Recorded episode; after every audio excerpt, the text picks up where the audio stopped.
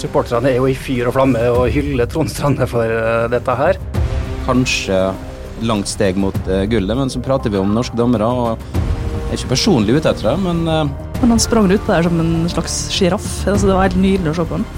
Det tror folk kan legge champagnen på kjøl. Velkommen til RB-sporten, Romsdals Budstikkes podkast for fotball og idrett i Romsdal. Mitt navn er Ole Bjørner Lo Velde. Jeg er redaktør i Romsdals Budstikke. Eh, det har vært en spennende serierunde hvor Molde var med i en dramatisk kamp i går. Og jeg ønsker velkommen til dagens panel. Eh, Pernille Husby, fortsatt supporter. Ja. Martin Brøste, sportsjournalist i eh, Romsdals Bustikke, gjør sin debut i podden i dag. Ja, også supporter. Knut Lillebakk, tidligere MFK-keeper og journalist i Romsdals Bustikke. Ja, og supporter. God dag. Mye supportere her i dag. Til slutt, Carl Henrik Innbjørg, eh, radiokommentator på 1 FM. ja, vi har akkurat landa etter gårsdagen. For det ble dramatisk. Vi har bestemt oss for å gå rett på, og på kanskje det øyeblikket som vi opplever at alle snakker om, nemlig tumultene da Trond Strande, Moldes assistenttrener, ble vist bort fra benken. Var det en, en riktig avgjørelse å vise bort eh, Trond? Ja, sannsynligvis. Men uh, det mest interessante er jo uh, å snakke om hvorfor det blir sånn. Hvorfor dette koket starter. Og det er jo ei fryktelig stygg uh, takling da, av denne Stabæk-debutanten, som slipper unna med gult. Spør du meg, så er det for billig. Du mener at han skulle vært utvist? Ja. Så dommeren sier at han ser situasjonen og oppfatter det, og, og vurderer hvordan dette her er. Og han ser jo egentlig det samme som vi som ser på TV, ser det. Det er en stygg takling. Han kommer inn med i 300 km i timen, og det er jo bare flaks egentlig at Kristoffer Haugen ikke blir uh, truffet. Men da er da begrunnelsen fra dommeren at siden det ikke er kontakt mellom spillerne, så velger han å kun gi gult. Og Der mener jeg at uh, Stabæk-spilleren er heldig og burde fått rødt kort. Han burde fått rødt kort, men han er 20 år, han er debutant, han har sikkert høy tenning, og så går han inn med ei sånn uh, takling. Jeg skal ikke forsvare Stabæk-spilleren, og jeg er i og for seg enig i at han kunne fått uh, rødt kort, men samtidig, det er en hendelse som skjer med en av spillerne som faktisk er på, på banen. Kan man forsvare en sånn reaksjon fra benken som det vi opplevde i går? Nei. Trond sier at uh, han går i krigen for spillerne, og han skal ta vare på spillerne sine. Jeg ser ikke helt hvordan han gjør det ved å flyge ut på banen, for det hjelper vel ingenting. Taklinga har jo skjedd. Det er jo totalt unødvendig at han skal ut der og drive og dytte på noe Stabæk-folk i utgangspunktet. Vi, vi, forsvarer vel ikke det Trond gjorde, men det var vel en god gammel Trond Strande, dette der. ja. ja, det følte jeg ble litt sånn Fikk litt flashbacks til gamle tider. Så på en måte var det litt godt å se sånn, men på, jeg forsvarer jo det ikke. Det var jo helt hodemist. Men... Ja, det, det, var det jeg skulle spørre om. Altså, er det sånn at vi syns at det er greit fordi at det er Trond Strande, fordi at han har en litt sånn hardman-image, eh, var en eh, bekk som eh, ga alt i taklingene, og som var med i i spillet med hele, hele seg hele tida. Er, er, det derfor at man kan begynne å forklare dette som greit? Vi registrerer jo på diverse sosiale medier at uh, supporterne er jo i fyr og flamme og hyller Trond Strande for uh, dette her. Men uh, du kan jo ikke forsvare at en uh, i Moldes støtteapparat skal ut og drive og dytte på motstandernes uh, spillere, uansett om det er ei stygg takling eller ikke. Det er herlige bilder som vi kan se på RB-nett. Jeg ser Amankwa kommer der, og Trond Strande er trigga av det. Så veldig glad for at Ruben Gabrielsen står der. Stakkars lille Hugo Vetlesen da, som ble offer for den første dyttinga, 19 år gammel pjokk. Det var siste gangen han springer inn. Men når en sånn situasjon oppstår, hvor viktig er det at det finnes folk som Ruben da, som går imellom der? For jeg må innrømme at når jeg satt og så på det, så lurte jeg på hva, hva skjer nå? Ja, Det ender jo med at, sånn som det alltid gjør, at en spiller på hvert lag får gult kort. I tillegg så fikk jo da han som takla gult kort, så da ble det jo delt ut tre gule kort da, i den situasjonen der. Selv om det kanskje skulle vært et rødt i tillegg. Er det tilfeldig at dette oppstår, eller var dommeren i ferd med å miste litt grep om, om kampen? Han hadde mista grepet lenge før, før, dette. I går så mista jeg faktisk oversikten. Det ble, vel ti gule og ett rødt til slutt. Ja, så ni gule kort pluss to til uh, OI, altså elleve, da. Kan du Elleve gule kort. Som resulterer i ett rødt i tillegg han, han mister, mister, kontrollen, og han svetter godt uh, på slutten, Døvle. Og da begynner han å dømme på ting som han ikke skal dømme på. Og så har han, føler nok at han mister grepet. Og jeg tenker på slutten der når han sier at vi ser den grusomme taklinga, men han traff ikke. Da tenker jeg at han uh, prøver å dekke litt over at han har mista grepet. Akkurat den begrunnelsen syns jeg høres rar ut. Da. Ja. Han må jo dømme på selve handlinga, ikke det som blir resultatet av handlinga. Så for meg så er det helt uforståelig at han Han sier jo sjøl at han har sett situasjonen og vurderte til å kun være gult, og det er for meg helt uforståelig. Jeg syns det er trist at vi må sitte og prate om disse situasjonene og, og dommeren når Molde da har vunnet 2-1 på bortebane, fem poeng foran Bodø-Glimt. Kanskje langt steg mot uh, gullet, men så prater vi om norske dommere. og Jeg tror nok at ganske mange har fått med seg at jeg har snakka mye om dommere opp gjennom uh, årene. og Jeg er ikke personlig ute etter det, men uh, jeg, jeg, registrerte en kommentar som Dag Eilef Fagermo sa for et par år siden. Jeg er jo ikke alltid enig med han, men han ble spurt om hvordan var det å ta med Odd ut i Europa. Og da svarte han at ikke så mye forskjell på spillerne, men det er enorm forskjell på dommerne. Sånn. Hvis vi biter oss litt fast i det med dommeren, er det Molde eller Stabæk som har mest grunn til å være misfornøyd med dommeren etter gårsdagens kamp? Begge to. Ja, Det første målet skulle vært uh, annullert. Der dytter Leke James uh, bort uh, Ronald Hernandez, og der er Molde rett og slett heldig. For det er frispark til Stabæk. Eksemplarisk opptreden av Hernandez på Eurosport etterpå, hvor han nesten snakka det bort og hørtes ikke ut som han egentlig var så ivrig på, på å påberope seg et frispark i den situasjonen. Jeg er ikke kjempeenig i det. Jeg syns ikke det er noe sånn soleklart frispark mot en Leke James. Han uh, bruker litt armer, og eneste grunnen til at det blir sånn, er at han Stabæk-spilleren hopper opp i lufta, og derfor ser det ut som han får en ekstra dytt fordi han er i lufta. Ja, altså Det er lov å være sterk, men uh, så lenge du bruker armen til å dytte vekk en spiller, så er det jo frispark uansett. Altså, om du dytter litt eller Men det blir sånn subjektivt. Så har vi sittet her og en, uh, det har vært motsatt vei, så har det vært soleklart frispark til en uh, Vegard Forhen. Det det tror jeg nok. Ja, det er jeg ganske sikker på. Altså. Og um, jeg tenker også at det der er en sånn type situasjon Hvis VAR kommer inn i, i, Norge, så er det veldig vanskelig for en dommer å gå på sidelinja, få det der i sakte film og så ende opp med å ikke dømme frispark. Men hvor er linja hen, hvis vi ser på en del andre frispark, gulkort i løpet av eh, kampen? Se på OI sitt første gule kort før han smelter ballen av gårde, eh, kontra den lille dytten til Leke James der. Altså, det er linja til dommeren jeg reagerer på, hvis vi ser kampen i sin helhet. Det er jo ingen stygg kamp. Altså, At det ble delt ut et tosifra antall eh, kort der, er jo ganske utrolig, egentlig. Kanskje ingen stygg kamp, men i hvert fall en dramatisk kamp. Hvordan var det å følge de siste ti minutta, Pernille? Det er ikke alltid du ser kampene når det blir eh, litt sånn intenst? Det var, jeg, hadde, jeg hadde ganske høy puls, tror jeg. Jeg klarte ikke å sitte i ro, så jeg, gikk, jeg satte meg ned på kjøkkengulvet. Så så jeg sånn cirka fra kjøkkenbenken til så halve skjermen. Altså, det er litt forskjell på, på, folk, men jeg satt med en sånn ro i går og tenkte at dette her tar Molde. Jeg tenkte det til og med på 0-0 når eh, Bohinen eh, smelte det frisparket i tverrliggeren. Så tenkte jeg at når, når vi har den type tur, så kommer vi til å skåre snart. og det det skjedde jo. Hvis du har fulgt Molde siden du var seks år, vet du, Ole Bjørner, så vet du at uh, du kan aldri være helt trygg. Nei, helt trygg kan man ikke være, men jeg følte liksom Hva, hva med dere? Altså, det er jo en kamp som vi har sett tidligere i år, egentlig. At Molde møter et lag som ligger veldig, veldig lavt, sjøl på hjemmebane. og Stabæk hadde jo en plan om å satse på kontringer og nekte Molde rom, og det klarte de jo til en viss grad. Så syns jeg Molde er veldig flinke til å være tålmodig ikke drive og jakte den her skåringa hele tida, men heller bruke tid, og så kommer disse mulighetene eh, etter hvert. Og det gjorde de jo også da i går. Ja, når Hestad skåra den første, så var jeg egentlig litt lei meg for at jeg ikke satt på Aker stadion. At han som sitter bak meg og pleier å rope på Eirik Hestad, ikke satt ved siden av meg. For um, da, han skulle jeg gjerne hatt i sofaen der når den 1-0 eh, gikk inn, altså. Har du en sånn en du òg? Ja, jeg har en rett bak meg som uh, pleier har... å være litt opptatt av Eirik Hestad. Jeg har mange.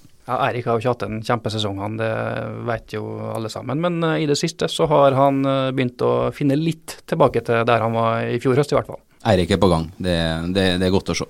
Kampen ellers, da. Eh, 2-0. Da tenkte jeg at nå var det i hvert fall over. Og så har jeg noen venner som sendte meg en melding og sa at nå skal Molde gjøre noe av det de er kanskje er aller eh, svakest på, nemlig å, å, dra det her i land. Og det ble jo, jeg vil si, unødig dramatisk. Det var vel de som sendte den meldinga? Ja, venner. Eh, nei, men altså, jeg tenker altså det blir utdelt veldig mye gule kort. Og Molde får, altså OI får et riktig gult kort. Uh, Aursnes henger på ryggen til den og får et klart gult kort. Og det er fordi at Molde, når de er da oppe i 2-0, så senker de tempoet, legger seg lavere og mister aggressiviteten.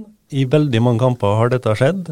Og Da blir de hengende etter Stabæk-spillerne, og gir altså Stabæk muligheten til å komme inn i kampen. Molde leder jo Eliteserien fortjent, for de har det beste laget. Men det er én ting eh, jeg har vært litt opptatt av hele sesongen. Det er når du får kampbildet der, at du skal forsvare det. Vi har jo en eh, Magnus Wolff Eikrem som er Eliteseriens beste spiller når, eh, når Molde fører matchene. Men når Molde kommer over en forsvarsmodus, så mangler Molde kanskje en sjef defensivt til å takle sjøl, men også få med seg medspillerne. Og en, igjen, på slutten av kampen i går, når vi får det trøkket imot, så mangler vi noen til å styre opp defensivt. Tror du spillerne har følelse av kontroll utpå der, her, Knut, eller er det sånn at de puster letta ut når eh, sluttsignalet går? Jeg tipper siste fem minutter så putter, puster de letta ut hver gang ballen går utover dørlinja. Så eh, kontroll eh, Stabæk skøyt i stolpen på over Ja. overtid, så det, jeg tror de pusta greit letta ut. Ja, så kontroll eh, kan jo føle du har kontroll, men du vet jo at det kommer sjanser. Ballen kommer inn i feltet, og hva som helst kan jo skje. Erling Moe var sånn eh, tålelig fornøyd etter kampen. Hvor avgjørende tror dere gårsdagens eh, trepoenger er for gullkampen? Det er nå i hvert fall, gjør i hvert fall at det ser veldig lyst ut. Jeg tror folk kan legge champagnen på kjøl. Dette blir seriegull til Molde. Jeg ser ingen muligheter for hvordan Molde skal rote bort dette her. Altså Det er åtte serierunder igjen. Fem av dem skal Molde spille på hjemmebane. Der har de ikke tapt en eneste kamp i år, og nå er Molde også øh, poengsankere på bortebane. Så for meg så jeg ser ingen muligheter for at Molde skal greie å rote bort dette her, når de har ei såpass stor luke både til Glimt, Odd og det som jeg tror blir den nærmeste utfordreren, Rosenborg. Jeg er mest opptatt av kan vi bli seriemester på Lerkendal. Nei, det tror jeg ikke. Det er for tidlig. Men det hadde vært veldig artig, da. Der er det jo gress òg, så det går an å plante flagg. Det gjør det. Ja, det hadde vært fint med et flagg eh, der ute. men det Ja, nei, nå har det vært så mye tap. Altså, jeg sa feil i forrige podkast, som eh, to av mine hyggelige venner har påpekt. Det var, vi, har, vi har vant der i 2014, det er siste gang vi vant der.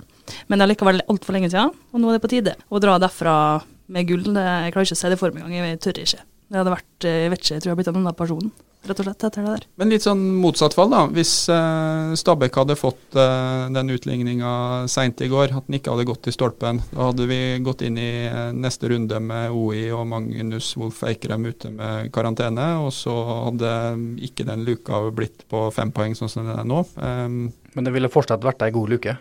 Uansett om det bare har blitt ett poeng, så hadde Molde fortsatt hatt ei, ei veldig god luke. og Hjemme mot Lillestrøm, sjøl uten eh, Magnus Eikrem og OI, så eh, skal det være tre poeng, og det tror jeg også at det blir. jeg er ikke noe glad i de Lillestrøm-kampene. Jeg har den der um, 3-3-kampen fortsatt i, i bakhodet. Den eh, tror jeg aldri jeg glemmer. Spilte du da, Knut? Nei, jeg satt og så på, ja.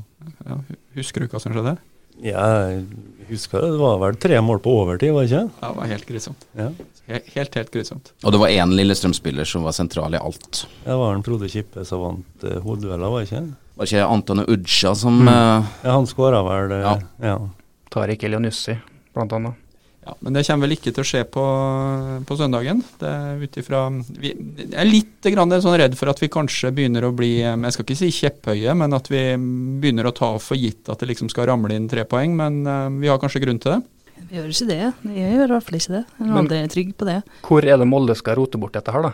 Altså, Man er jo avhengig av at uh, enten Glimt eller Odd eller Rosenborg sikkert vinner resten av sine kamper. Og eh, jeg kan ikke skjønne at de skal greie det, noen av de lagene. Tror du ikke Bodø-Glimt klarer å ta så mye poeng nå. De har jo solgt unna noen spillere. Jeg tror eh, Odd er mest stabil.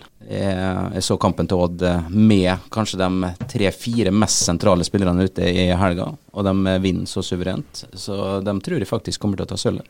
Men de er åtte poeng bak Molde, så at de skal ta seg forbi Molde, det, Det gjør de ikke. Det gjør de ikke. De tar sølvet. Molde er landets beste fotballag, men trener Erling Moe er fortvila over at han hører lite, eller egentlig ingenting, fra landslaget. Eh, I eh, papiravisa vår på lørdag så hadde vi hovedoppslag på Erling. Han eh, sier at siden jeg begynte som hovedtrener i desember i fjor og fram til nå, har det ikke vært kommunikasjon overhodet. Det overrasker meg. Er dere overraska over at Erling Moe ikke hører noe fra landslagsledelsen? Nei. Lagerbäck han var vel kjent for å være kontroversiell før han ble norsk landslagstrener. Han har jo hatt enorm suksess, og han har jo hatt en til dels suksess med norsk eh, landslag også. Men allikevel det er jo spesielt at det ikke er noe kontakt, da. Men du, du sier nei i forhold til kommunikasjonsbiten, men er ikke spillere på MFK som burde blitt sett, og som kunne fått muligheten? Nå ble Ruben kalt inn helt på tampen i forrige, forrige runde, men eh, er ikke flere av MFK-spillerne som burde vært eh, i landslagsdiskusjonen? Det er jo flere av MFK-spillerne som har spisskompetanse. Magnus Wolff Eikrem har vi jo snakka mye om.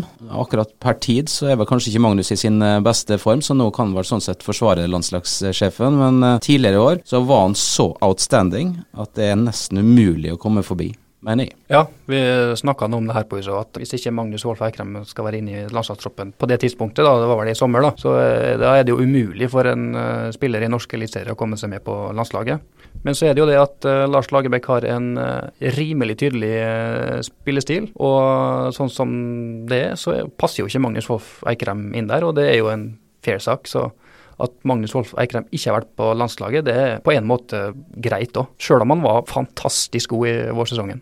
Magnus er vel kanskje ikke i sin aller beste form akkurat nå, men det kan jo endre seg i løpet av noen uker. Og Hvis vi ser litt fram i tid, så skal jo Norge spille en del viktige kamper. Og kanskje vi kommer i settinga der Norge er nødt til å angripe og være det førende laget. Da er det ikke mange andre spillere i Norge som er bedre enn Magnus til å ha en sånn rolle. Noe av sjarmen med sånn eh, kveldskamp som i går, da, er jo for meg som TV-seer, det er jo når de liksom zoomer inn på tribunen og så ser du hvem som er der og ser på. Da, da skal jo landslagssjefen være der. Eh, og jeg er jo litt eh, overraska over at Lars Lagerbäck ikke er mer rundt omkring i Norge og vise ansikt som, eh, som landslagstrener. Burde han ikke hatt et par turer opp til Molde, prata med litt folk, snakke med Erling og apparatet rundt, eller er ikke det jobben til en landslagstrener? Jo, spør du meg så bør han egentlig det. Det gir jo en uh, viss sånn signaleffekt òg, hvis han er og ser på eliteseriekamper. Jeg tror ikke han har så mye jobb og arbeid at han ikke rekker å sette seg på en tribune og, og, se på en kamp her i Norge. og noen må jo være aktuell for dette landslaget som spiller i Eliteserien nå. Men er det, er det, det at Molde ligger utafor eh, allfarvei, eller er ikke det her stilen til, til Lagerbäck? Det må nå være eh, ikke stilen hans, for at, å komme seg til Molde er jo ikke vanskelig. Det er tydelig at han har problemer med det? da. Han, tydeligvis så mener han sjøl at han har mer enn nok oversikt, og er veldig fornøyd med den gruppa som han egentlig har satt på landslaget. og De passer inn til sånn han vil spille, og da kjører han på videre sånn. Men Hvis Lagerbäck hadde vært der, Knut, du som har sittet i mye fotballgarderober, er det sånn at det kommer et lite signal ned i garderoben at pst, landslagssjefen er her i dag, eller er det noe som han ikke bryr seg med overhodet? Nei, det jeg tror ikke jeg har peiling på, men jeg heller ikke.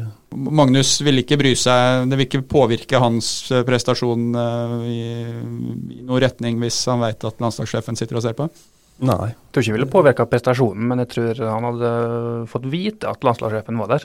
Det var aldri noen som sa det til meg. men etter, kamp, at, etter, kampen, tenker jeg? Nei, det Jeg aner ikke. Jeg ser mye engelsk fotball, og noe av det jeg liker best, er når det regner, og så ser jeg at der oppe sitter Gareth Southgate, og så vet jeg at uh, oi, og den kampen sånn på søndag, den kampen sånn på lørdag. og Jeg er klar over at kommunikasjonen i England er vesentlig enklere enn i Norge, men um, en gang iblant så mener jeg at landslagssjefen burde, burde vært på Aker stadion. Du ser litt mer når du er på en fotballbane og ser en kamp enn hvis du sitter og ser den på TV. som Jeg, jeg håper i hvert fall han ser noen kamper på TV. da.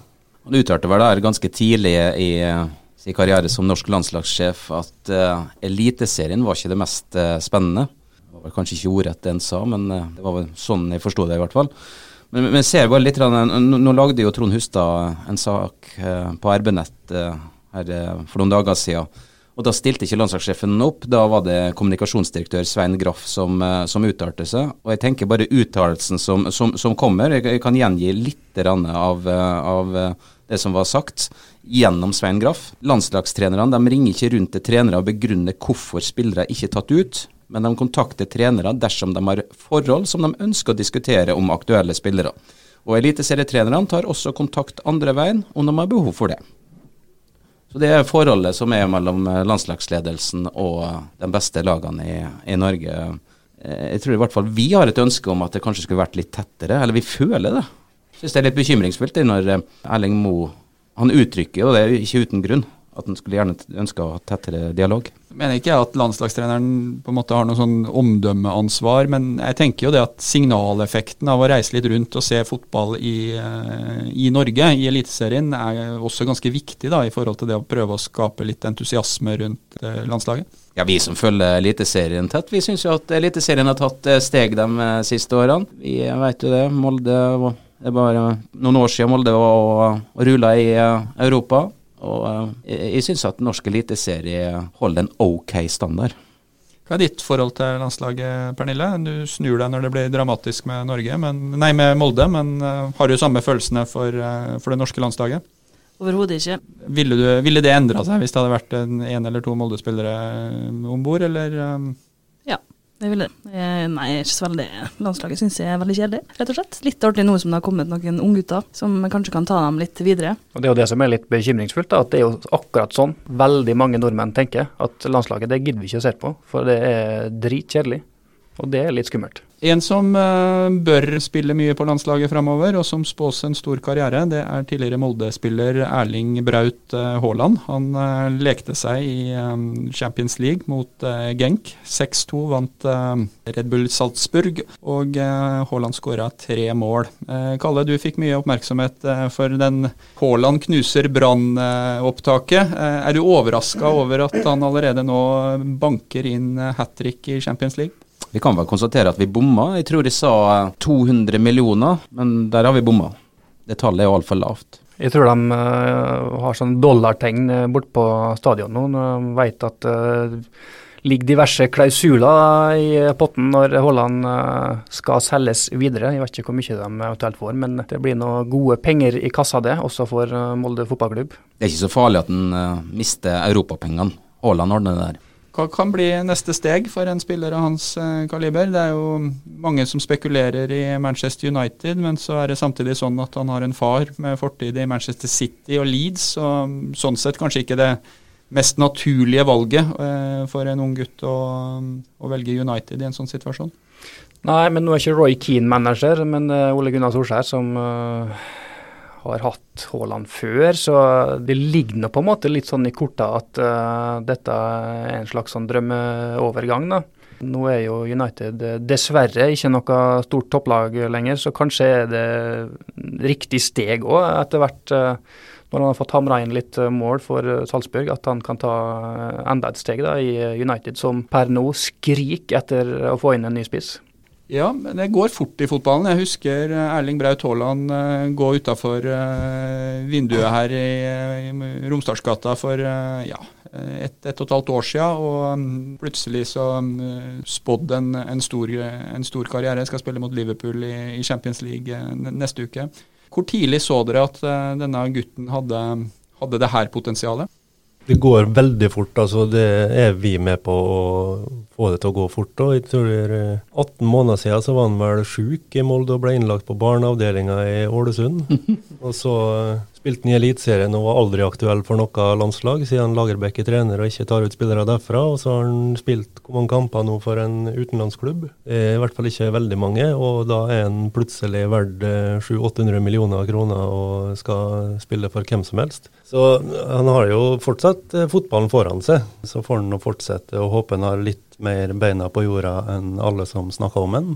Og at han greier å fortsette å levere, for det blir det viktigste. Syns han har den der eh, råskapen jeg, som eh, ikke så veldig mange fotballspillere har. da, Den der aggressiviteten som Helt fra han debuterte første gangen, så var det liksom en type spiller som du tenkte at han kan, han kan score, han kan avgjøre. Noen av dem tar ikke det neste steget, men det er kanskje det som har overraska meg mest med Haaland. At han gjentatte ganger liksom har tatt, tatt det neste steget. Du ser kanskje forskjellen fra andre spillere som Molde har hatt og prøvd seg, og mye kanongode fotballspillere i Molde som har prøvd seg ute og spiller på Molde. Men han eh, har altså de ekstremkvalitetene, og du ser hvor viktig det er å ha i internasjonal fotball. Og så elsker han å skåre mål, det tror jeg er det aller beste han uh, vet. Hvis laget leder 5-0, og han uh, har muligheten til å få ei pasning og skåre et mål, og ikke får ballen, så blir han dritforbanna og lei seg og, og sint. Ja, og så ser du altså, målene han skåra i Champions League. Ikke bare at han skåra mål, men det, det, er høy kvalitet på det han gjør. da. Han virker ikke redd eller bekymra for noe. Tror du en sånn kar eh, liksom tenker på at uh, neste stopper han skal ut og baske med, er uh, van Dijk? Det tror jeg han bare gleder seg til. Han kommer nok til å gå inn i uh, de duellene der med alt han har, og jeg blir ikke forundra om han greier å sette et mål mot Liverpool òg. Ja, det hadde jo vært ganske artig, da. Ja, vi håper jo på det. Ja, det er jo bare det neste. Han tar eh, Liverpool-matchen nå, og da tar det jo helt av. Det er jo ingen som snakker om overgangsvindu lenger. Den internasjonale fotballen har jo blitt at du kan, uh, du kan jo kjøpe i dag, selv om vinduet er stengt. Så flytter du bare på det når eh, vinduet åpner. I en sånn utvikling av en spiller, så har jo alle eh, sin del av det. Spilleren sjølsagt den største biten, men hvor eh, riktig og, mm, var overgangen eh, til Molde for eh, Erling Braut Haaland, og hva tror du han fikk tilført i Molde som han har tatt med, tatt med videre? Han vokste vel 11 cm på 12 måneder, så det var i hvert fall eh, en, noe han fikk tilført. Men jeg tror han, eh, Molde var veldig viktig for han. Altså, han har jo en sånn Hvor gammel er han? 18? Han var vel 12 da han kom hit, sånn omtrent. Føltes sånn i hvert fall. Men han sprang ut på der som en slags sjiraff. Altså, det var helt nydelig å se på han. Han har, sånn, har en sånn ungdommelig råskap som du på en måte bare Han er ikke redd for noe, sånn som han er når man er 18. Så var Molde flink til å bruke han. Han spilte ikke hver kamp, men eh, han spilte nok til at han fikk eh, fin og god eh, utvikling. Og så fikk han også hvile når han hadde behov for det.